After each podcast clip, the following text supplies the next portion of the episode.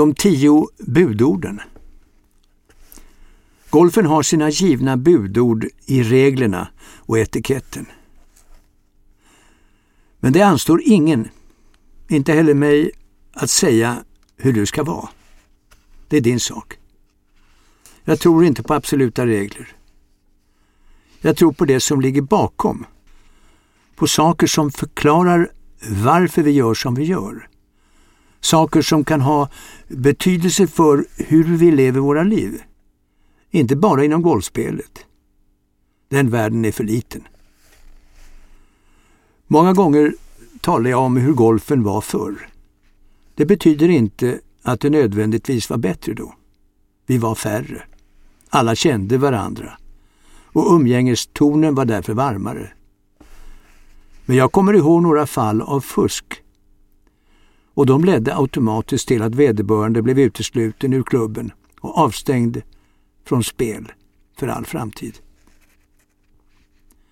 För bara 35 år sedan, innan den första bevattningen introducerades, var golfbanorna normalt i dåligt skick säsongens första månader. Jag minns hur vi spelade på gula, torra banor fram till långt efter midsommar. Lersprickorna såg aldrig ut att läkas. Men så föll regnet under sensommaren och i september var fairways och griner riktigt fina. Idag är golfbanorna i oerhört mycket bättre kondition, trots att de får ta emot så mycket mer spel. Den gamla golfklubben hade alltid dåligt med pengar. Medlemsunderlaget var för litet för att tillåta någon form av slöseri. Baren kunde bestå av små skåp och du hade din egen nyckel. Serveringen fungerade bara under helgerna och i många fall fanns bara kallskuret och smörgåsar att tillgå. Klubben sköttes av en sekreterare. En frivillig syssla och kommittéerna gjorde resten, var och en med sitt ansvarsområde.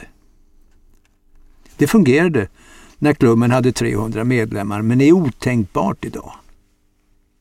Men gemenskapen var givetvis större och årets klubbaftnar var välbesökta.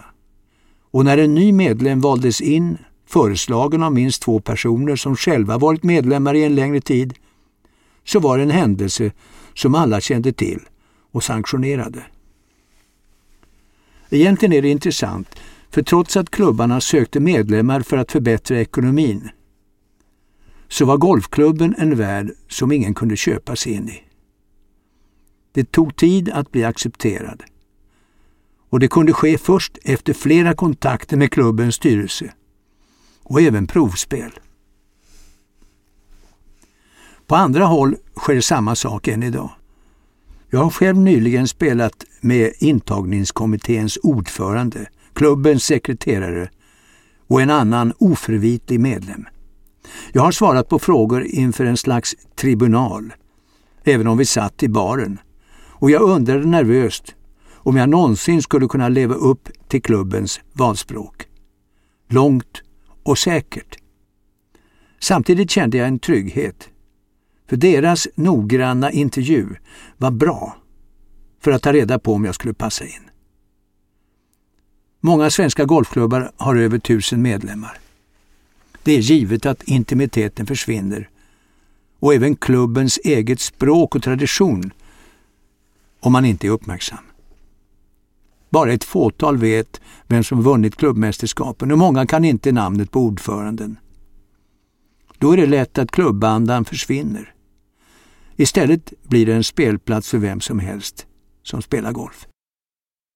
Jag tilläts bli medlem i en golfklubb för 50 år sedan och fick då lära mig att handikapp bestämde. Den med lägst handikapp kunde bjuda upp till spel aldrig tvärtom. När jag skriver det verkar det fullkomligt befängt.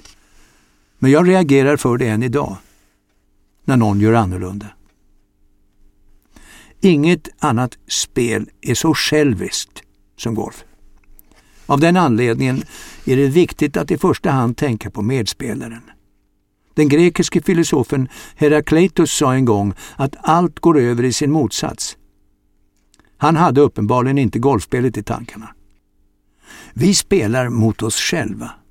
mäter oss mot naturen, hålens taktiska konstruktion, mot våra visioner och vår rädsla, mot andra spelare, mot vind, regn, hagel och till och med snö. Människan är ensam, helt utlämnad åt sig själv inför varje slag eller steg under spelet. Mot människan står tur eller otur, slumpens alla oväntade utfall, ett blad, ett litet sandkorn, en del av en kvarbliven fuktbevarande torv som stannar bollen en knapp millimeter från hål. Men följande dag rinner bollen tryckt över ett parti på green där gräset lagt sig åt rätt håll. Och då kan ingenting hejda den från att rulla i. I det ena fallet innebär det att Ernie Els förlorar ett särspel om det stora mästerskapet.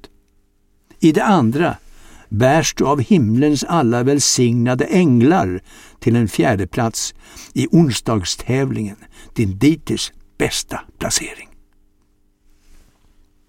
Efter ronderna går Ernie Els till David Duval och gratulerar honom till segern. Du vänder dig till Sverker B, klubbens mest tursamme och odräglige spelare och säger att du spelat så bra du förmått, men att han har varit så mycket bättre.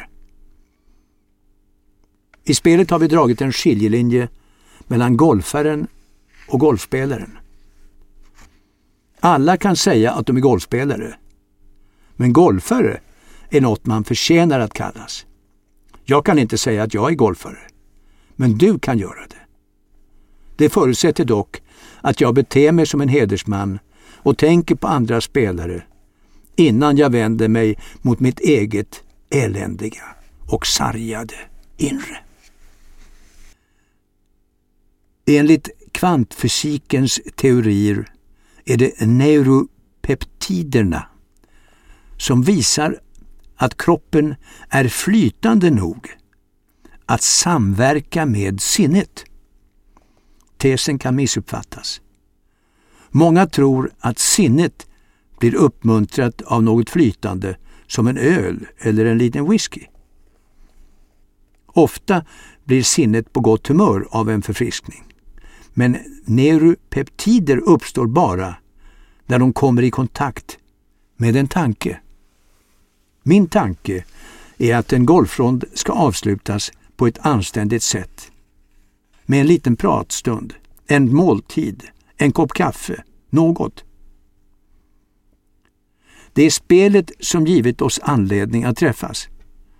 Och då bör vi se till att vi har tid att göra det så att vi utnyttjar klubbens möjligheter istället för att skynda iväg till parkeringsplatsen. Det är där omklädningsrummet ligger idag, i bilens baklucka. Och kanske har det redan gått för långt för att ändra på. Det finns klubbar i världen där det är förbjudet att byta om i bilen och flera klubbar i Sverige ogillar också att man gör det. I de flesta fall slår vi ut med armarna och utbrister. Men vad kan vi göra åt utvecklingen? Den finns ju runt omkring oss. Vi bygger dusch bland bilarna. Överallt bryter vi mot lagar och förordningar. Det tillhör också tiden. Ibland blir vi till och med applåderade om vi lyckas snuva regelverket, särskilt i skattemål mot staten. Inom idrott är det också tillåtet att tänja gränserna mellan rätt och fel.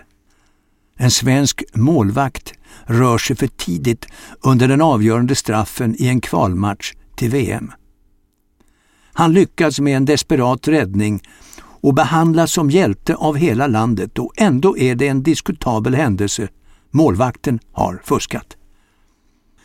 Samhällets förordningar ändras efterhand och i en takt fåtalet begriper. Sannolikt innebär det att respekten för det rättsenliga försämras. Staten representerar inte längre den ordning och reda som vi skulle vilja ha.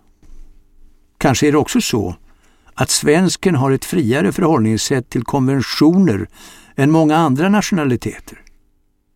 Det kan vara en fördel att slippa tyngas av traditioner. Samtidigt går historien förlorad och därmed uppstår en rotlöshet, eller respektlöshet, som inte enbart är humoristisk. Golfreglerna skrevs första gången på våren 1744 av en kirurg i Edinburgh vid namn John Rattray. Det var 13 punkter och andemeningen i det handskrivna uppslaget är detsamma idag. Det har betydelse.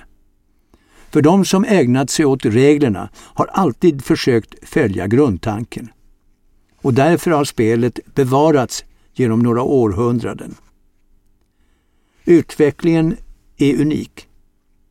För samtidigt som spelet genomgått dramatiska förändringar tack vare nya teknologiska möjligheter så spelar vi idag på samma villkor som 1744.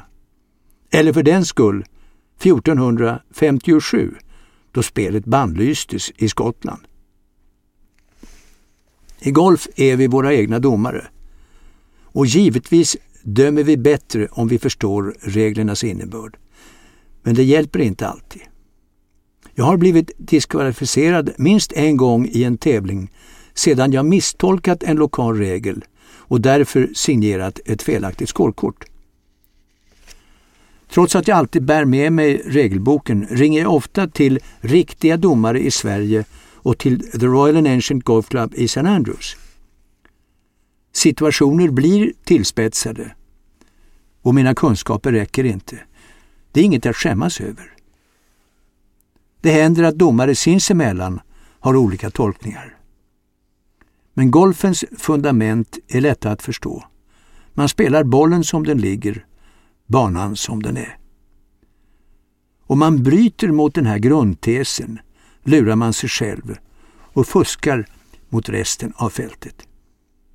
Ordet fusk står inte inskrivet i reglerna.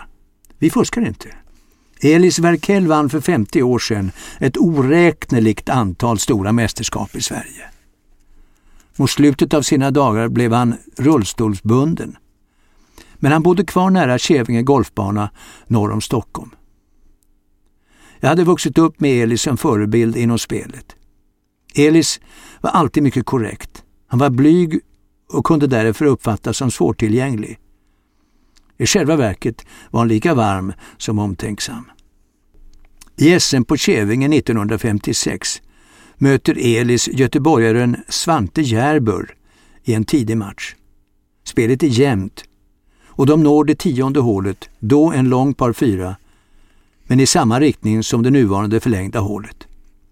Järbur slår ut i höger ruff, Verkell i vänster och de lommar iväg efter sina bollar endast åtföljda av sina caddies. Inne på grinen träffas de igen och Verkel säger Ja, då ligger vi ju här på två. Jag har tre slag, säger Järbur. Jag kom åt bollen i ruffen, den rörde sig. Elis glömde aldrig den här händelsen, för den bekräftade att han valt rätt som satsat så mycket av sitt liv på att spela och tävla i golf. Han visste också att han kunde lita på Järbur i alla livets sammanhang. Det går inte att spela golf utan att bli arg. Så det handlar inte om att vi reagerar med ilska utan hur vi beter oss.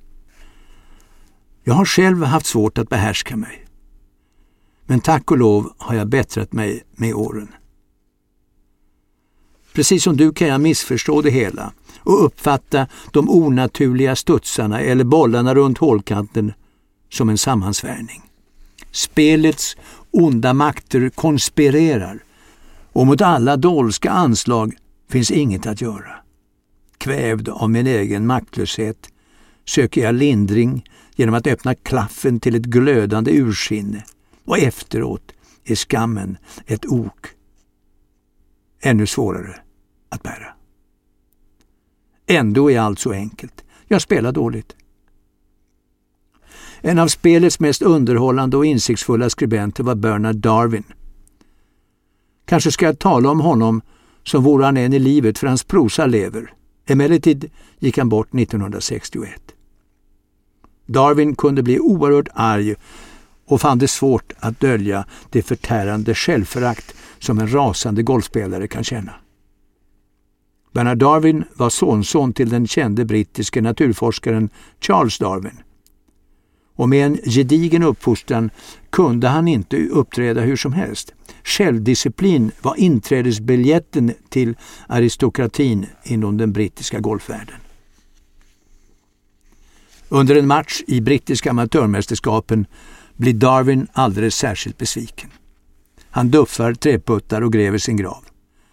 Några få tweedklädda åskådare följer utvecklingen med spänning, för att inte säga andakt. Det är klart att Bernard Darwin, krönikören i The Times samt Country and Life snart kommer att spränga sig själv i bitar. Ögonblicket låter inte vänta på sig. Darwin missar ännu ett slag. Och som en kristen inför lejonen på Colosseum brer han ut armarna och utbrister. Så här får det inte vara.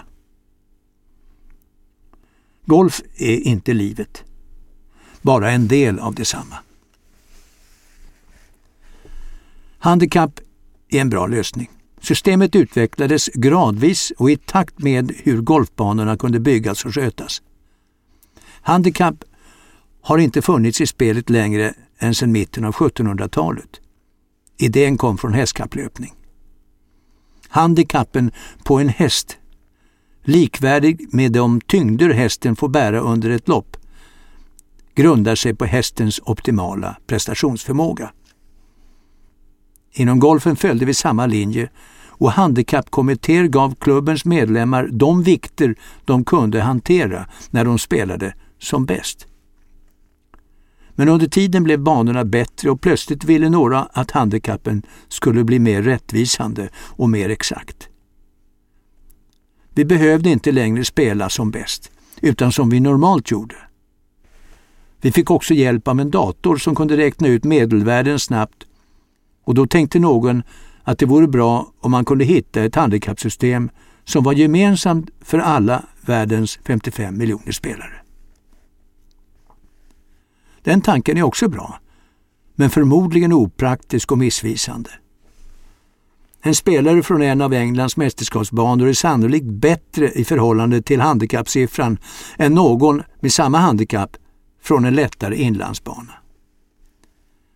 Vi tvingas helt enkelt tänka oss för och först bestämma vad det är för spel vi håller på med och varför.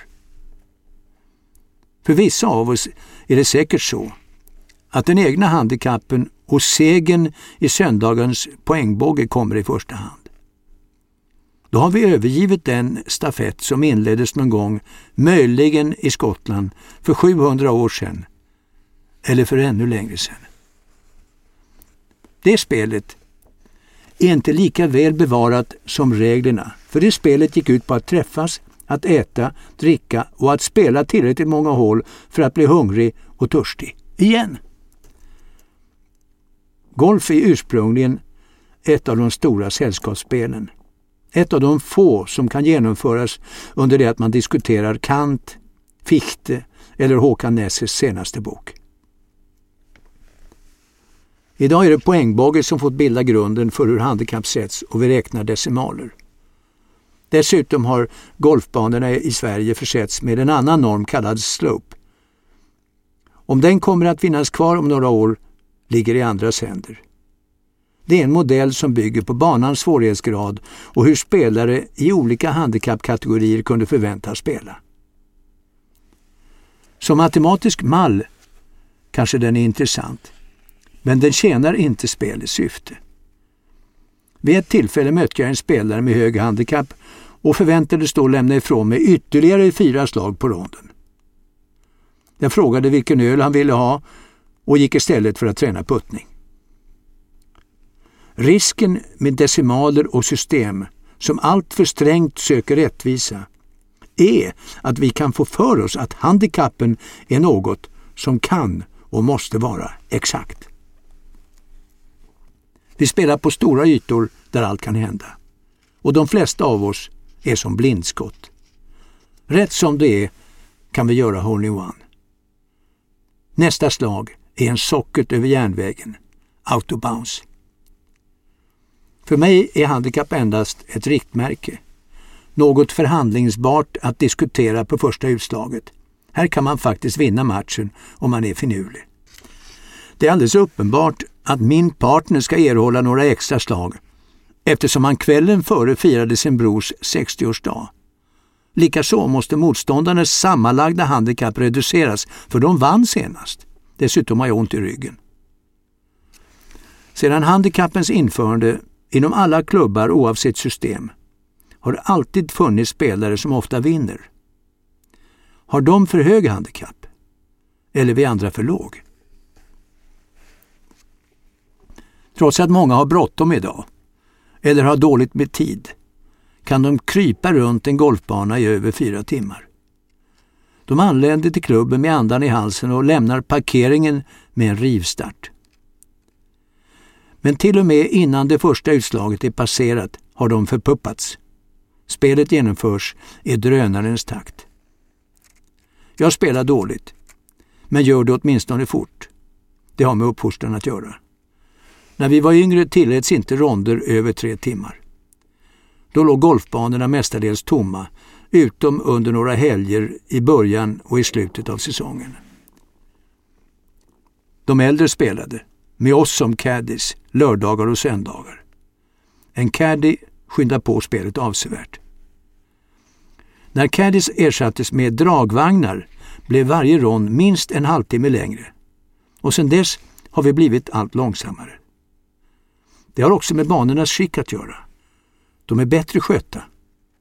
Och vi tycker därför att det kan vara värt att ägna mer tid åt att studera linjer eller annat. Förr hade linjen mindre betydelse. Främst har vi blivit allvarligare i vårt syfte. Vi bryr oss mer och sånt tar tid. Jag önskar att fler kunde se spelet som en del av promenaden istället för att behandla varje litet slag som en kvalificering till US Open. Första gången tid nämnts i reglerna var 1783. På Royal Aberdeen Golf Club i Skottland beslöt man att tillåta spelaren att leta efter bollen i fem minuter. Under den här perioden hade alla klubbar egna regler. Och den här är särskilt intressant, för vem hade klocka? Ett fickur var en dyrbar raritet 1780. Royal Aberdeen ligger bland sanddynerna utanför stan, långt ifrån något tornur. Annars kunde en kyrkklocka hjälpt till. I St. Andrews 1882 föreslogs på prov att man kunde få leta i tio minuter. Det fördröjde dock spelet i onödan och därför gick klubben tillbaks till fem minuters letande 1891. Regeln blev allmän 1899. Jag skriver om handikapp. En handikapp. Ett handikapp är om man brutit ett ben eller ännu värre. Jag skriver också en par. Ett par eller paret är två stycken. Hur gör du? En vintersaga Tillfälligt vatten får en annan innebörd vintertid än sommartid, likaså vattenhinder. Jag tänker särskilt på det fjärde hålet på Falsterbo. Det är över 400 meter långt från de bakre utslagen. Grinen ligger på en halvö ute i en vassruggad vattensamling som löper hela vägen från utslag till grin ut med högersidan. En förhärskande sydvästlig vind blåser emot och hålet, ett av de bästa i Sverige, är en mardröm för den som gärna slicear. Vissa vintrar lägger sig isen på den här kustremsan och det går att åka skridskor på Flommen från Skanör till Ulenabbe, den sydvästligaste punkten på Falsterbonäset. En flom är en damm i folkmun här nere. Det är förvisso en härlig upplevelse att åka skridskor över områden som för inte så länge sedan var havsbotten. Men ännu roligare är att försöka driva grin på det fjärde hålet. Att missa grin och sen ge sig ut på en knakande is för att spela upp bollen på land är också en del av nöjet. Klubban får inte grundas Men som tur är får vi idag använda klubban som stöd i vattenhindret när vi trevar oss ut på isen efter bollen. Det bara för några år sedan var även detta förbjudet. På vintern får spelet tillbaka sitt ursprungliga innehåll. För att dryga ut promenaden eller för att ge den rikare innehåll hänger vi några klubbor över axeln och slår några slag. Du ödslar ingen tid på att läsa linjer på griner. Bunkrarna är hårdfrusna och behöver inte krattas. En vänligt sinnad barnkommitté har skaffat större hålkoppar och flaggorna står antingen bara några meter in på green eller vid sidan om. Du spelar inte för att få handikapp. Du spelar inte för att belönas med poäng, utan du spelar match mot någon du trivs med. Och efteråt söker ni något värmande, gärna inomhus. Ju kallare, desto fortare spelar ni. På Falsterbo tar vintergolfarna över banan under den mörka säsongen från oktober till mars. De är 17 herrar som varje söndag spelar fyrbollar. De inleder med sju hål och når då åter det strategiskt placerade klubbhuset. Där avbryts spelet och herrarna samlas på övervåningen med utsikt över banan för att inta en närande måltid. Efter denna fortsätter spelet på de elva resterande hålen. Hur de lyckats dela in 17 personer i fyrbollar är ett mysterium. Men människans förmåga är oändligt stor. Liknande sällskap finns på många klubbar i Sverige där spel bedrivs under olika och lagom organiserade former. Är marken täckt av ett lätt lager med snö används de röda bollarna. I min ungdom målade vi bollarna med nagellack, vilket mötte visst motstånd hemma. Nagellack var, precis som golfbollar, en bristvara efter kriget. Två röda bollar tömde en hel flaska och min mor lärde sig att gömma flaskorna, som vi sen hittade. Klädseln är avgörande. Skorna bör ha riktiga spikar för att ge fäste mot is och hårdpackad snö. Handvärmare rekommenderas. De finns i friluftsbutiker och värms med hjälp av antingen särskilda tändstift av märket Kiribay eller bensin. Det kvittar vilket. Bensinen lämnar starka lukter efter sig, liksom tändstiften. Läckande bensin kan tända eld på byxorna. Du spelar helst med två bollar och byter efter varje hål. En av bollarna bär du i fickan in till handvärmaren. Ju varmare bollen är, desto bättre flyger den. Möjligen hjälper det också att ha en varm boll om du skulle toppa den. En kall, toppad boll brukar medföra att fingrarna stelnar och är sedan obrukbara under flera hål. Bylsiga golfbyxor är att föredra, för de behåller värmen bäst och de är bekväma att gå i. Det finns också muffar för handlederna, vilka alltid är utsatta. Muffarna är ylleband, inte olika de som tennisspelarna använder för att torka sig i pannan. Under promenader är stora tumvantar oslagbara. Konsten är givetvis att klä sig just så lagom värmande att svingen inte helt neutraliseras. Givetvis tåras ögonen av vind och kyla. Egentligen försvinner alla detaljer och hållpunkter i ett fruset och gråmörkt töcken. Det tycks inte finnas så mycket att göra åt den saken. En ögonläkare har sagt att om ögonen tåras beror det på att kanalerna, vilka, är torra.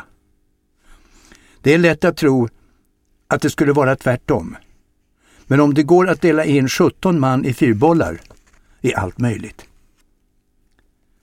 Under den kallaste tiden, när snö har packats, är sikten bättre för ljuset reflekteras. Jag har vid sådana tillfällen sett spelare använda samma typ av glasögon som störtloppsåkare. Givetvis är det för att undvika att ögonen tåras av vinden. Men frågan är om glasögonen, liksom infraröda linser eller radar, ska uppfattas som otillåtna hjälpmedel. Jag har också lagt märke till att golfbanor byggts för en annan säsong. Under vintern, vid de få tillfällen då solen skiner, tvingas vi hantera ett lågt ljus. Att slå en boll i motljus är som att slå bollen i blindo. En del hål blir hart när ospelbara. Samma fenomen känner vi till från bilkörning. Ingen vettig människa sätter sig vid ratten och kör västerut en solig eftermiddag i januari. Vintergolf är naturligtvis enbart ett tidsfördriv. Svingen mår knappast bra av att användas under så extrema förhållanden. Snarare är risken stor att den blir stympad och krampaktig. Samtidigt är spelet lockande, för på en frusen fairway går det att slå bollen långa sträckor. Det är smickrande att nå det långa åttonde hålet med en drive och en halvt toppad järnsjuva. Det är också lustigt att spela ett korthål och se bollen studsa nära hålet för att till sist lägga sig till ro 100 meter längre bort. Vintergolf prövar ditt tålamod lika mycket som spelet gör under sommaren. Det som möjligen kunde ersätta nöjet att spela golf på vintern vore att köpa en hund som inte alltid lyder. Fotnot. Jag har avsiktligt utelämnat den särskilt preparerade snöbanan i Jukkasjärvi. Där spelar de riktig sommargolf, fast på vintern. Ej heller har jag ägnat en tanke åt att man faktiskt kan spela golf i södra Sverige på riktiga griner hela året. En januaridag kan vara ljuvligt värmande på Rya, Ljunghusen eller Falsterbo. Må vara med en låg sol, men med milda vindar. Vintergolf är per definition ett kallt och besvärligt spel. Ingenting för veklingar. De ömhudade mjukisarna dyker liksom krokus och vitsipper upp först när vårsolen fått fäste. Då är säsongen över. Tidsbeställning införs och det tar plötsligt över fyra timmar att spela. Stockholm Utsikten från krönet av Slottsbacken är minnesvärd. Med Nationalmuseum, delar av Skeppsholmen och av Chapmans nyrenoverade skrov i fonden på andra sidan Strömmen. Från entrén till slottet ner till statyn av Gustav III är det en järnsjua under normala förhållanden. Och det skulle ha kunnat vara världens bästa korthål, bättre än det sjunde på Pebble Beach eller Augusta Nationals tolfte. Det skulle också vara en intressant upplevelse att stå mitt inne i stan och sikta på renässanskungens högra tumme för att sen stanna bollen kort om stenkajen där några äldre skärgårdsbåtar förtöjts. Annars erbjuder Djurgården och Gärdet de bästa möjligheterna om vi ville bygga en bana in i stan. Vi kunde rensa skogen från Djurgårdsbrunn för att hamna mellan de naturliga sanddynerna på Gärdet, där ju golfarna i Stockholm höll till en kort period vid det förra sekelskiftet. Kaknästornet kunde tjäna som klubbhus, världens högsta i sitt slag. Slottet vore naturligtvis allra bäst. På något sätt kunde vi spela oss över till Skeppsholmen. I slottet finns plats för vagnar och omklädningsrum. Byggnaden renoverades efter den stora branden 1754, samma år som The Royal and Ancient Golf Club bildades i St. Andrews. Saker och ting hör ihop, även om kopplingar ibland kan vara svåra att hitta. För mig är Stockholm bio. Jag växte upp under det senaste kriget och från Parkvägens station i Djursholm gick Roslagsbanan hela vägen ner till Engelbrektsplan, bara ett kvarter från Stureplan, stadens mitt. Jan Fredell och jag hade en taktik. Han sa att han gjorde läxorna hos mig. Jag sa att jag gjorde mina hos honom. Sen träffades vi på tåget. Vid Engelbrektsplan låg biografen Aveny. Idag en restaurang och träffpunkt. På Aveny visades uteslutande västernfilmer. så vi hade bara 50 meters promenad till Allan Ladd, James Stewart, John Wayne eller Randolph Scott. Ibland, när filmerna var särskilt barnförbjudna, gick vi på Maxim i Birger passagen Där var de inte så noga. Det hände att vi satte på oss hatt och långa rockar, vilket gjorde att vi såg ännu yngre ut. Skolan blev lidande. Jan och jag satt kvar i omgångar under hela skoltiden, men fortsatte envist med våra särskilda studier.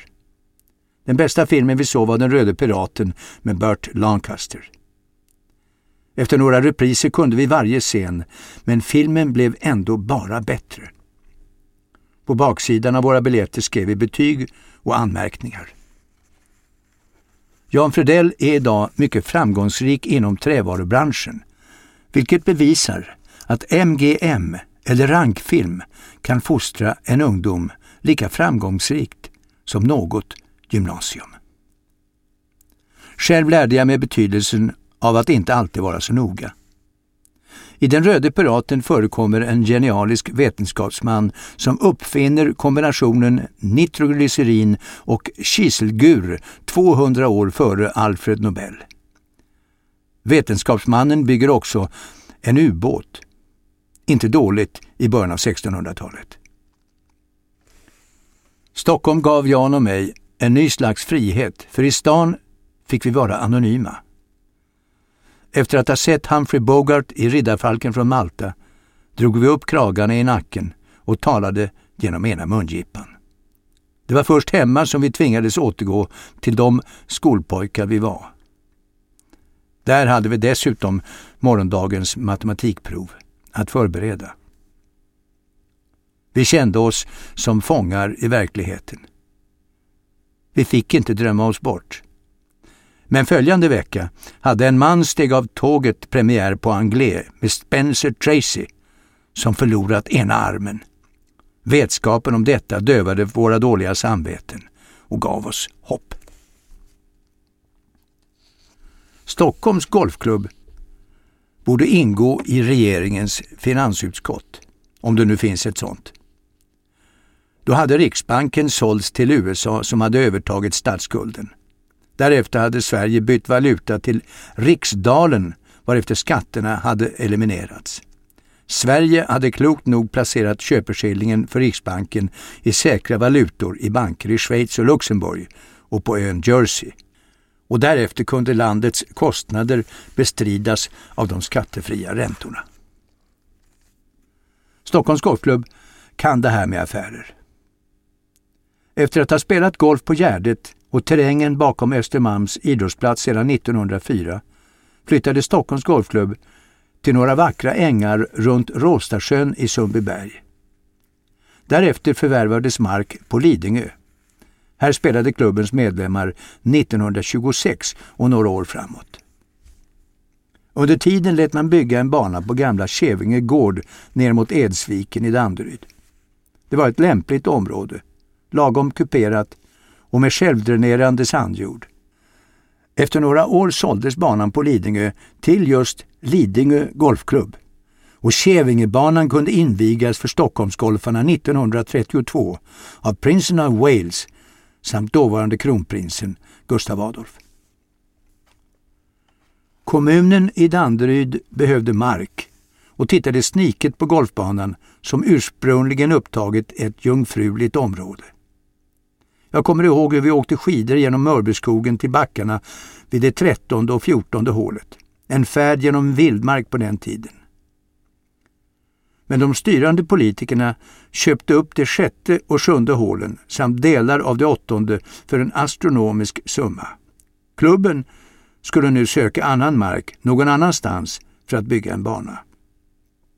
Istället förvaltades pengarna och efter ett avtal med Svenska Golfförbundet om att upplåta mark till Golfens hus har klubben en delvis modifierad bana i yppersta skick. Sannolikt är det en av Sveriges mest välmående klubbar och på köpet fick man också en parkeringsplats inomhus. Samtidigt har oskattbara värden försvunnit. Det gamla sjunde hålet, ett korthål, skulle idag spelats ut från ett höghus i Mörby centrum, inte långt från en videobutik, och grinen ligga inne i ett parkeringshus, flankerat av en vändplats för bussar. De majestätiska tallarna som vaktade runt grinen har försvunnit och över en av de vänstra bunkrarna står ett trafikljus. Jag antar att det här skulle kallas utveckling, men kan ändå inte förstå varför vi människor inte kan samsas om utrymmen. Kontrasten mellan den upptagna tidsprogrammerade samhällsvärlden och drönarens onyttiga tillvaro är stimulerande. Vi får heller inte glömma att båda livsformerna ändå är till låns. Golfarens till synes aningslösa irrfärder runt de grönskiftande fälten och vardagsmänniskans plikter som ingen någonsin hinner med. Emellertid berättar Kävingebanan om storstaden, för den växer och ibland måste något ge med sig. Men jag undrar ofta över klokheten. Det borde vara med staden som på bio. När det är utsålt stänger man dörrarna och börjar föreställningen. Den bana som ligger närmast Stockholm är annars troligen Björkhagen vid Dammtorpssjön i Nackareservatet eller Ulriksdals golfbana vid och på det gamla galoppfältet.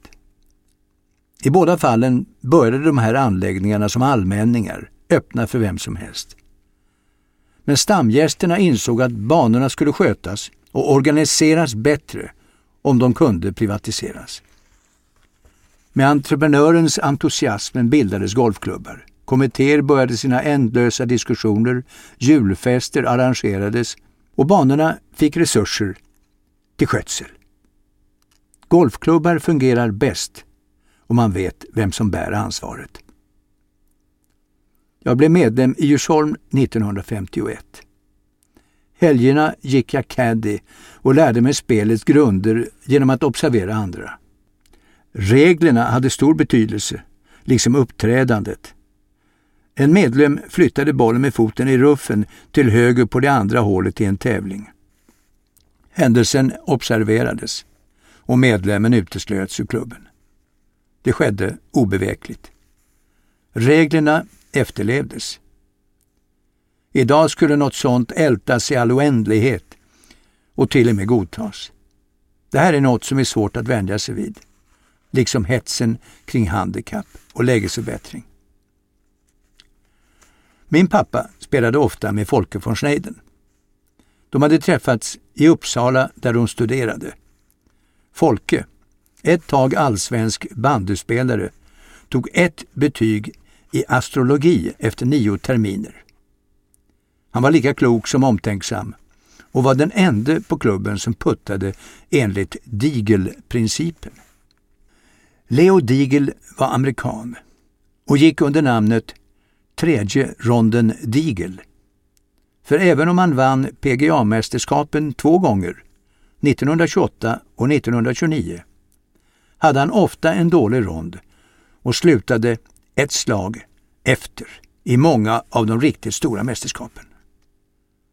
Hans puttningsmetod att digla innebär att spelaren drar upp och trycker ut armbågarna så att de blir helt parallella med axlarna. Det för med sig att handlederna låses och armpartiet kan pendla som vore det en maskin. Folkefors Forsnejden puttade osvikligt. En tolvhandikappare som räddade sig varje gång med en chip och en putt inom 30 meter från hål. Min pappa som slog längre och gav honom slag blev alltid lika förvånad. En gång spelade Folke och jag Forsam i en klubbtävling. På gamla 17 på Djursholm slog vi över en allmän bilväg och upp mot nuvarande första hålets utslag. Jag satsade allt jag hade. Bollen lämnade klubbhuvudet med högsta fart och seglade i en lika vacker som vid båge över ett skogsparti i riktning mot Altorps station. Jag trodde att Folke skulle bli besviken, för uppenbarligen skulle bollen ta mark för senare på eftermiddagen. Tänk att kunna slå så långt. Jag avundas dig, sa Folke och spelade oss rakt fram. Det är av sådana situationer som vi lär oss om människors godhet och förmåga att tänka positivt. Sedan dess har banan i Djursholm byggts om och ut. Av lika outgrundliga som olyckliga skäl är jag för närvarande inblandad i banans skötsel. Ett projekt utan framtid i det här landet, som ju ligger alldeles intill Nordpolen. Marken är obarmhärtigt motsträvig och skulle bäst tjäna som uppskjutningsplats för rymdraketer. Men här har jag ändå mitt hjärta, för vart jag än vänder blicken kan jag erinra mig något som jag varit med om tillsammans med mina vänner. Minnen är den rikedom som inte kan köpas. Och jag hoppas att banan och klubben alltid får finnas kvar.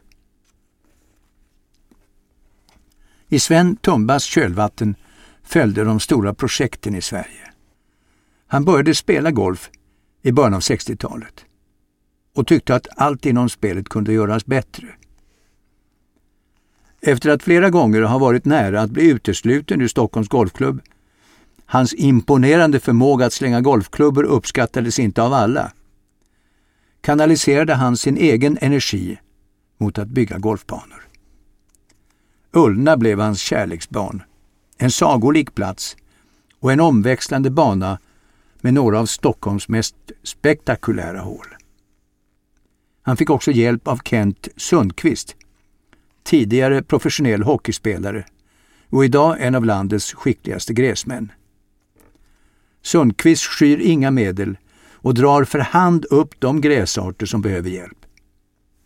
Ullna är en prydnad. Men vad besökaren minns är hålen utmed sjön. Det lilla korthålet i början av ronden. Det fjärde som kan nås på två slag av den som vågar. Det sextonde med björkdungen till vänster om grinen och det djävulska sjuttonde med grinen som en halve ut i Ullna sjö. Det är Li Trevinos hål. Bygg ut grinen i sjön, sa Trevino lakoniskt till Tumba som skaffade fram grävmaskiner samma eftermiddag. Jag följer många av Stockholms golfbanor under turer på långfärdsskridskor. Dammtorpssjön nedanför Björkhagen leder vidare till de trånga sunden mot Älarsjön och Drevviken. Och utmed Vallentunas stränder dyker Täby upp, alltid välskött. När man ser dem från isen framgår det tydligt att golfbanor effektivt utnyttjar den tillgängliga marken. Det tar bara några sekunder, några skär på isen för att följa tre av de fyra avslutande hålen på Täby. Men när vi spelar dem med spikskor plågas vi av svårigheterna lika mycket som vi uppskattar det storslagna rummet mellan tallarna och sjön. Vid sjön Sparren i Roslagen ligger Lisinge som låter några av de första hålen falla ner mot vassruggarna.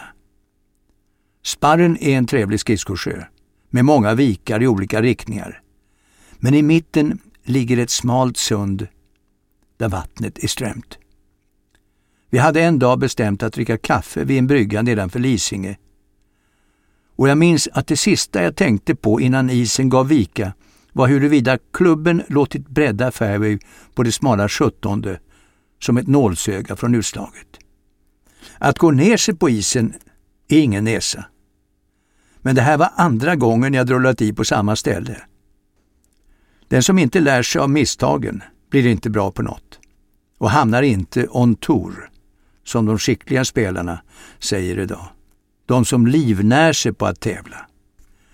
Vi amatörer hade tidigare en Stockholms tour som inkluderade invigningspokalen och Torsten Härnods minne på Lidingö, Drottningholms Forsam, Krysantemumbålen på Kävinge samt Djursholms septemberpokal. Det här var scratchtävlingar, de flesta över 36 hål. Och handikappgränsen kunde vara minus fyra. Alla Stockholms landslagsspelare brukade delta. Och den som hade tur kunde lottas med Lennart Leijonborn, Ture Holmström, G.A. Bjelke eller Hasse Edgersson. Lennart Leijonborn var polis, medlem i Lidingö och en mästare i att maskera formen. Han kunde sitta på Lidingös terrass och vänta in ett offer som en myrena i havets djup. En intet ont anande besökare hamnade i hans käftar. De förhandlade om handikappslag och Laneborn förlorade prompt de första hålen. Insatserna höjdes och när det var lagom började Laneborn, scratchspelaren, mästaren, att träffa griner, sänka puttar och lirka bollen runt skogstungarna på Sticklinge som vore den radarstyrd. Laneborn slog aldrig fulla slag. Han litade på sina erfarna händer och slog en järntrea när andra valde en järnfem. Ingen hade emellertid något emot att betala för lektionen. Det var en ära att få lära sig om spelet och bli lurad av Laneborn. Många sökte upp honom igen, för Laneborn var en riktig idrottskille.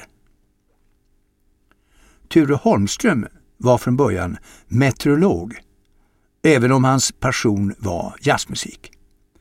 Han var den bäste på att förutsäga vädret. När Ture satte på sig regnkläder i omklädningsrummet visste vi att det skulle bli en varm och solig dag. Kom han till banan i lätta sommarkläder skyndade alla att hämta paraplyet. Även Ture spelade för Lidingö, liksom G.A. Bjelke och Liv Forsell. Volin idag. Jag nämner några namn, inte för att berätta om alla, utan för att påminna om att det fanns ett spel innan det svenska golfundret dök upp. Allt hör ihop och en bra utveckling är som en stafett. En generation lämnar över till nästa, om än inte alltid brevvilligt.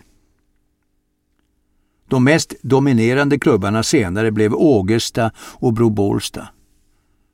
Från Ågesta kom Ove Sellberg med flera. Från på Bålsta systrarna Sörenstam. Stockholm är en anledning att träffas, likaså golfen. Någon annan beröringspunkt finns inte, för stadens gator och torg kan inte ge oss samma erfarenheter som vi kan få uppleva på en golfbana.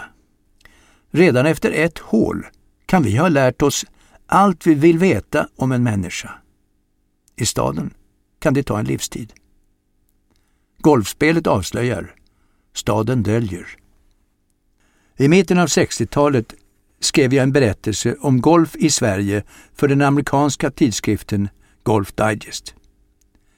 Artikeln fick stort utrymme och på omslaget publicerades en bild i motljus som skulle beskriva golfspel i midnattssol.